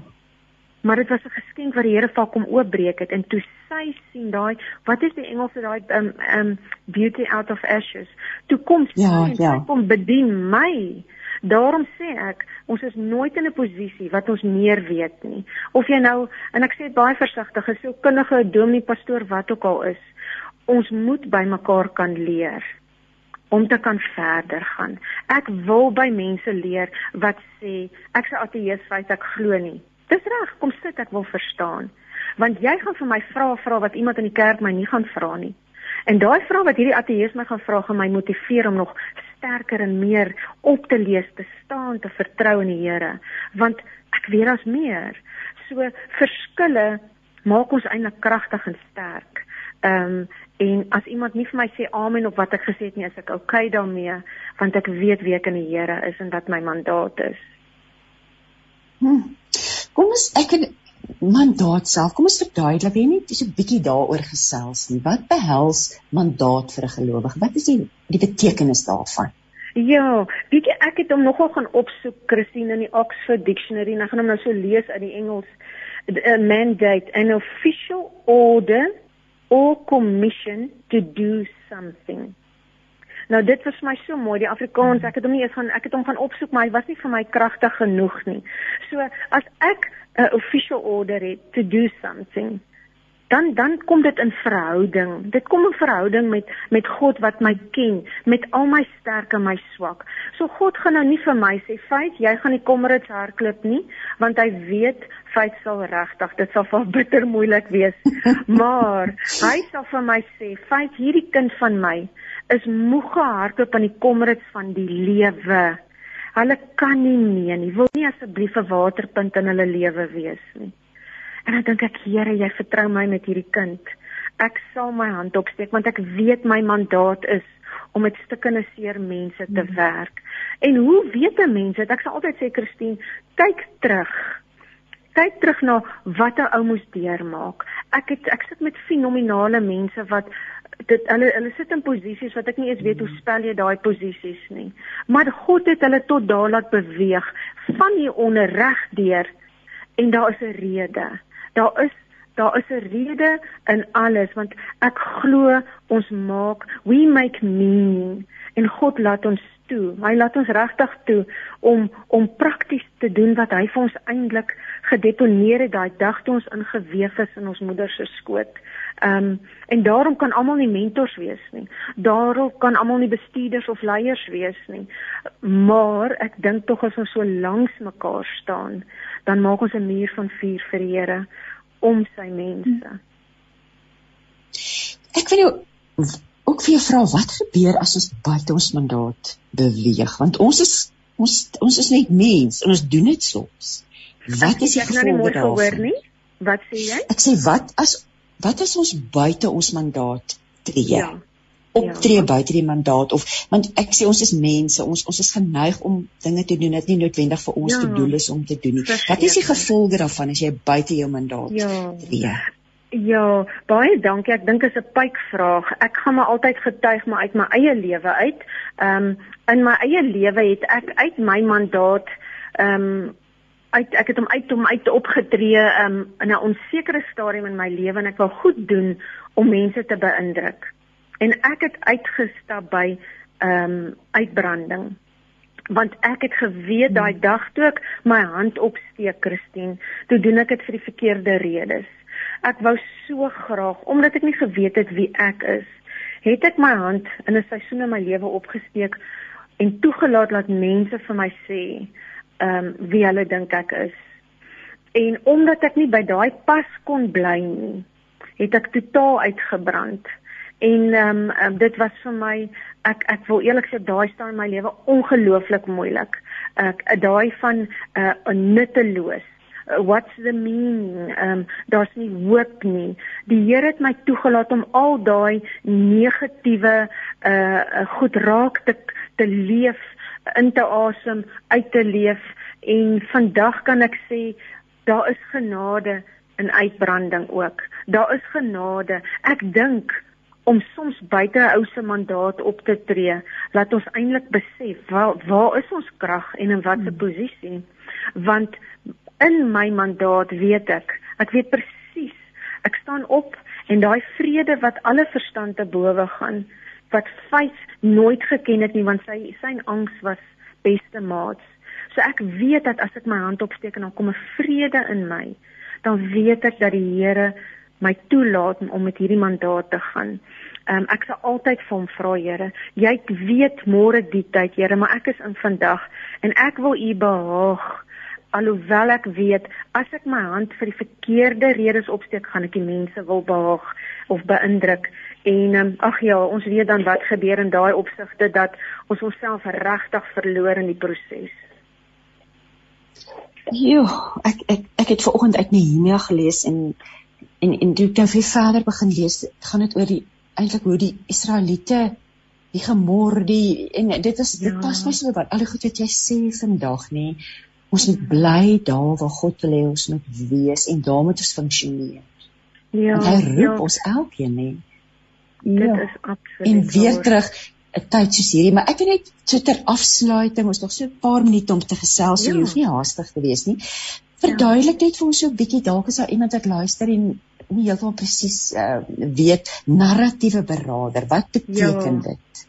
Ja, weet jy wat Christine, ek sê mos die Here het absolute sin vir humor vir my wat woorde nog nooit belangrik was nie. Ehm um, kom die Here en hy sit my by die narratiewe berading. Dit kom eintlik daarop neer. Sê bijvoorbeeld nou soos Faith wat op 40 ehm um, uh uitgestap het of ingestap het by die slegste tyd in haar lewe ek sou daar en dan gesê dat dis klaar. Ek ek ek dink nie ek sou kon selfmoord pleeg nie, maar ek ek het die behoefte gehad om ek wou nie meer lewe nie. Maar God het daai toegelaat. So in daai daai seisoen waar ek gekom het, het ek gedink dis nou klaar. Daar's nie meer hoop nie. My storie van die lewe is geskryf. Ehm um, dis waar dit eindig. Dit gaan nie verder, dit gaan nooit verander nie. Maar wat kom met narratiewe berading?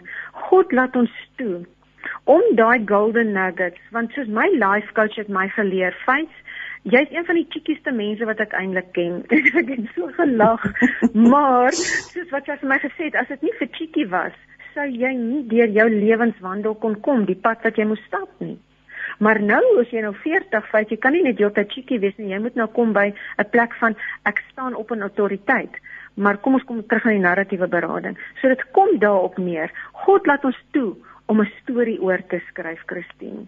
So ek luister na mense se woorde en sê word in 1 uur wat ek met hulle sit, is 99% van die woorde kwaad, seer, haat.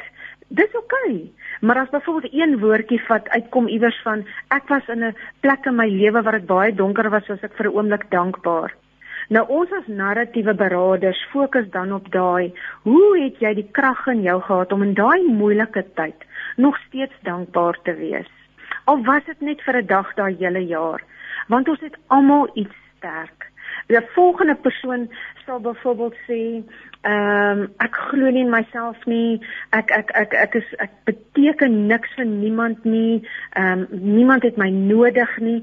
Maar dan sien ons dat hulle in 'n posisie staan van dien of bedien, maar hoe hulle hulle storie eintlik dan wegskryf en ons begin hulle bevraagteken of nie bevraagteken. Ons ons begin ondersoek saam met hulle instel oor wat dink jy as jy dalk hierdie bietjie sou swaai? Wat dink jy as jy daai sou verder wou ondersoek? Wat dink jy om saam met mentors te stap? want ek self glo in mentors. Ek het uit uit 'n uh, ek het 'n geestelike mentor, ek het 'n besigheidsmentor, ek het 'n studie mentor want hulle hou my op my tone. Maar die narratiewe berading is vir my beautiful want daar is nooit 'n einde. Dis daai van God se genade in praktyk. Dit dit dit dit daar's altyd 'n nuwe begin. Ek het vandag 'n kans gehad. Ek leer môre uit vandag se foute. So die narratief is altyd daar's meer as wat ons sien en glo. Wat waar kan mense jou in die hande kry?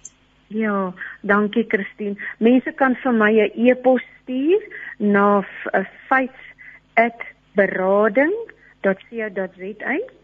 Ehm um, en dis die gewone F A I T H, daai ehm um, @tekentjie en dan die berading is alles klein letters of my ehm um, kontak op 082 334 6384. Ja, Faith, baie baie dankie vir jou kosbare bydrae vanoggend. En ja, mag die Here jou ook seën. Jo, as ek so luister na jou en die dinge wat pad met die Here, jou storie, ja, jou wonderlike pragtige storie van God se genade.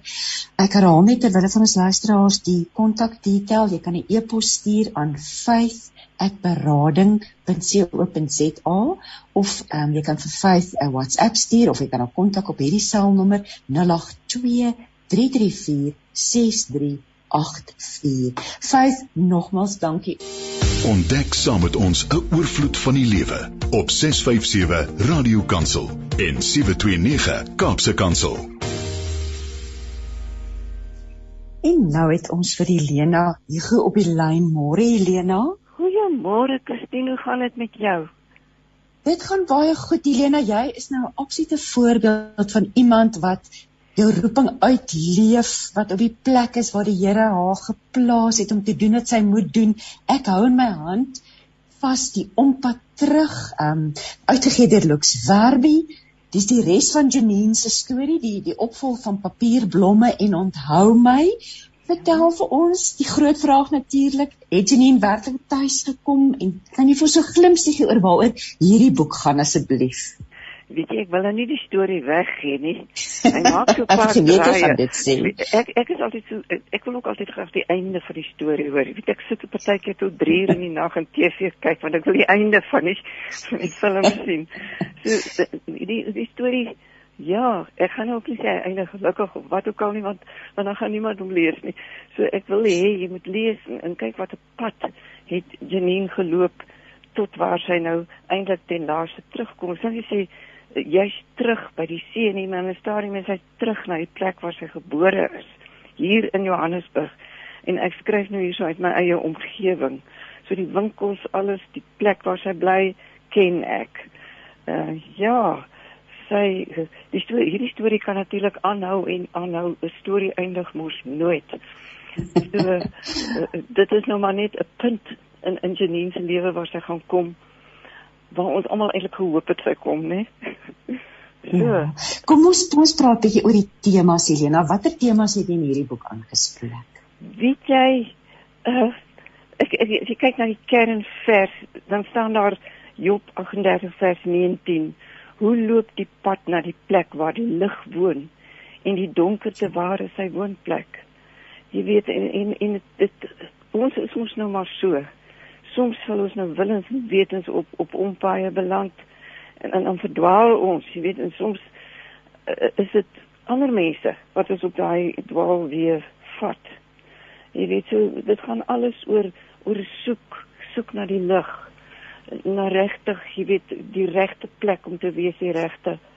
Jy weet, Janine kom in 'n stadium as sy net wonder, jy weet, is moet ek nou hier wees of of moet ek op pad wees na 'n ander plek? Dit dit dit gaan vir my hier oor oor oor die paaie wat ons loop, al die ompaaie en dit is nie ompad terug, terug waarheen, né? Terug na ons. Dis so mooi. So ja. Ag, oh, ag, oh, ekskuus tog ek. Ja, ek hoor jy jy gaan kom jy kom en gaan so 'n bietjie. Okay. Agter op die boek staan daar geskryf 'n skrikkelike mooi stukkie van wat sê uit die aard van sal jy nou genoem dit speel af in Johannesburg en Rodepoort dele mm. van die boek En hier waar die kosmos blom, maar om meentyd se tuin uit 'n verdorde grasperk en 'n oorgroeide rotssteen bestaan, is daai kosmos wat kan blom te midde van moeilike omstandighede. Kom ons praat 'n bietjie daaroor. Ja, die kosmos as, as ek nou te veel kan jy my nou duidelik hoor. Nou kan ek nou reg binne in die foon praat ja. of ek draai my kop net ek weg. Jy weet hier hier heel teen die einde het ek 'n stukkie oor die kosmos jy weet as ek nou kan sê hoe boek ontwikkel het eers sonneblomme gehad, maar ek is so bly ek het by die kosmos uitgekom. Die on, omslag is ook pragtig, nê, nee, met die ja, die kosmos ja, dit is baie mooi. Ja. En en hier heel agter in die boek, ek kan dit maar lees. Bladsy 252 het ek 'n stukkie gesit. Daar's karakters wat inkom in hierdie storie. Ek wil hulle nou nie ook voorstel aan julle nie want dan gaan julle ook nou weet hoe die storie loop. Maar een van hulle is Christine en Christine se mammy is oorlede en Christine gee vir uh uh, uh vir Janine die die briefies wat hulle wat haar mammy vir haar geskryf het voordat sy dood is en dit gaan alles oor die kosmos. En en en dit so betrekking op op op uh Janine se lewe ook. En staan sy sy skryf vir Christine wanneer jy hierdie briefie kyk sal ek weg wees. Maar ek wil hê jy moet sterk wees. En sy sê sy onthou jy hoe ons kosmos blomme langs die pad gepluk het. Dis ons waar hulle altyd kry. Ons stop en dan pluk ons hulle so langs die pad. Ja. ja. En dan sê sy hoe hulle gedans het in hulle pink en pers en wit oorvloed. En daar lank in die huis nog vars gebly het. Dan sê sy vir leef my liewe Christine. leef voluit soos ons Vader se kosmosblomme. En as jy ooit moedeloos word, gaan kyk hoe hulle groei. Hulle hoef nie opgepiep te word nie. Hulle kom sommer van self op. Hulle blom tussen geharde gras met min water en selfs droogte toestande kry hulle nie onder nie. Daar waar hulle staan, verskaf hulle vreugde klere en nektar vir bye en skoenlappers. Hulle gee blydskap van vroeg in die lente tot laat herfs. Erge koue kan hulle knou, soos erge liefdeloosheid. Maar dis omdat hulle in sonskyn en warmte gedei. Dis al wat jy nodig het. God se lig en liefde. Soek dit my liefste kind en jy sal nooit alleen wees nie. Nee, dit is iemand wat op die mense pad kom en hulle deel hierdie kaartjies uit en as ons na die omslag kyk dan moet ons ook net onthou om 'n kosmosvrou te te kan wees is 'n voorreg. Dit is nie moeilik as jy mens swaar kry. Maar jy moet by dit verby wees. Ja, dit is mooi daai woorde en die kosmos ek glo dit is so dan moeilike omstandighede. Hier staan ook op die agterblad van ongelowige tot diep gelowige. Leer sy deur haar swaar kry om God alleen ja, te vertrou ja. en haar lewe geheel en al in sy Vaderhande oor te gee. Helena, kom ons praat 'n bietjie daaroor om God alleen te vertrou. Wat beteken dit vir jou? Om hoe sê jy om God alleen te vertrou? God, ja. ja, om God ja, alleen te vertrou. Vir jou, vir jou persoonlik. Vir my persoonlik, my my lewe is ook nou nie rose en in maanskyn altyd nie en partykeer moet jy net by 'n punt kom wat jy oorgee. En sê Here, U laat U wil geskied. Vat dit nou van hier af. Jy weet, en en mense probeer altyd draai en loop jou eie ding probeer doen, maar dit werk nie so nie. En as jy as jy as jy jou, jou pakkie oorgee vir die Here, dan dan is dit ook makliker om dit te dra, want dan is daar iemand anders wat saam met jou dra, né? Ja. Ja. Ek vind dit jou ek is nog geïnteresseerd want jy verwys ook op die agterblad na staan met die kruispaaie. Kyk mm -hmm. en vra na die ou paaie. So skrif, daar's baie sterk skrif wat half onderliggend lê aan hierdie verhaal. Ja, kom die skrif kom soos jy skryf, kom skrif in jou gedagtes. Hoe hoe verweef jy dit nou, in die storie in. Nou het ek daai stuk in die boek gesoek en so waar as vet ek dit om nou verloor. Maar ek gaan nou sommer uit my kop uit probeer sê wat daar gebeur. Hoe daai skrif vir my opgekom het en by Janine. Daar's 'n plekkie waar sy sy het altyd in die huis en gaan sit sy in die gang want haar kindertjie slaap nou daar in die kamer en wil sy nou dan gaan sit sy in die gang op 'n bankie daar en en lees uit haar Bybel en en dan lees sy nou van Samuel hoe die Here hom geroep het en en hoe hy nie die Here se stem eers geken het nie. En dan besef sy, jy weet, as, as jy jonk en klein is dan en, en dis hoe sy was. Sy het nog nie die Here se stem herken nie. En toe sy nou uh, lang uh, jare wat gelede in die in die uh, in die St Paul's Cathedral voor hy uh, uh, uh, skillery te staan gekom het van Jesus met die lig. Toe het sy eintlik sy stem gehoor omdat sy dit in die prent gesien. Hoe hy voor haar hart staan en klop en klop en sy is die een wat moet oopmaak want daar is ons nou nie 'n 'n knop aan die buitekant nie. Die skildery is spesiaal so geteken. En en en dan oordink sy hierdie dinge van hoe sy op die ou einde geleer het om om God se stem te hoor. En sy sy so moedeloos want sy is op 'n punt van haar lewe. Ek ek wil nou nie sê jy weet ons vroue raak ons maar almal moedeloos en dwaal ons so 'n bietjie af. En en hier is nou hierdie pragtige man wat nou skielik aandag aan haar gee en haar uh, weer mekaar maak.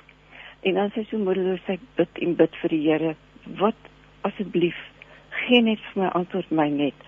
En ek skryf daar, dis hy doen 'n ding wat wat wat mense altyd sê nee, jy moet dit nie doen nie.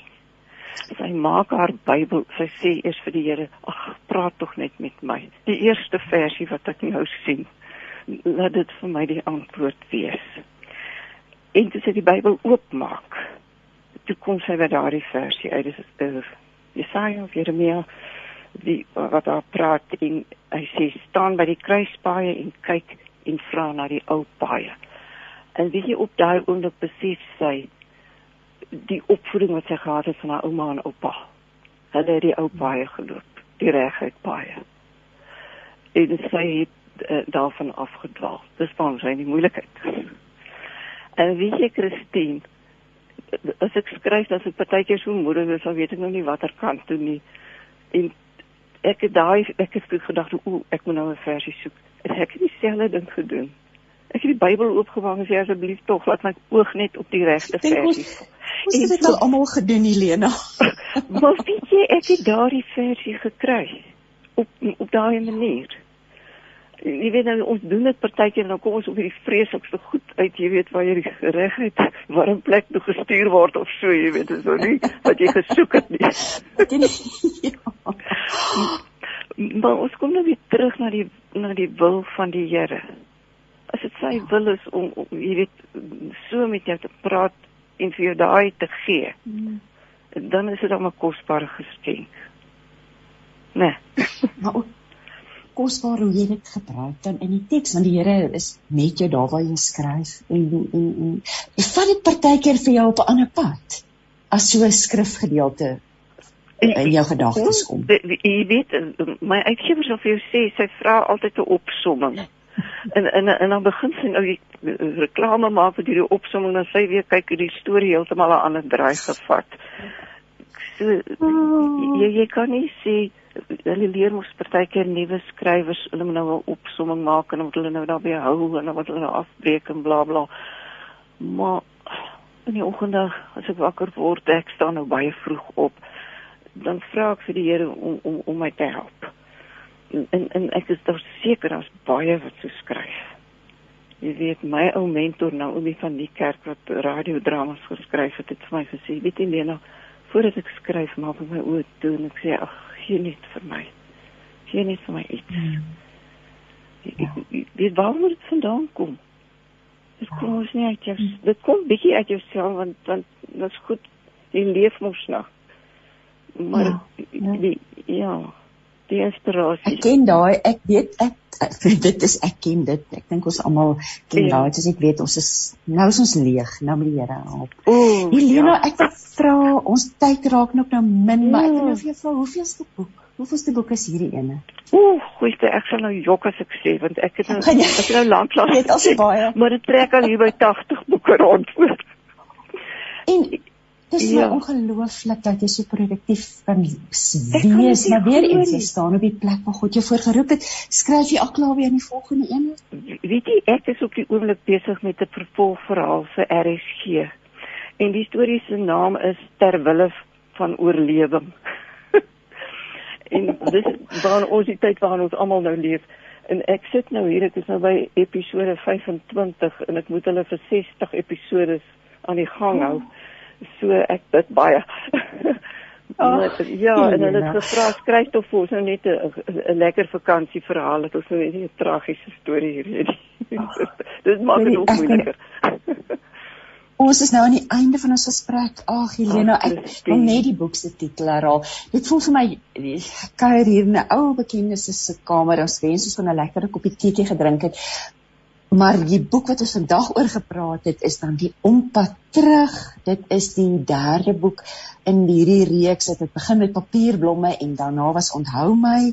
Dis um, Lux Werby wat dit uitgee so en natuurlik beskikbaar by alle boekwinkels landwyd en as mense aanlyn wil koop, kan hulle by Lux Werby se webwerf seker gaan kyk, né nee, Helena?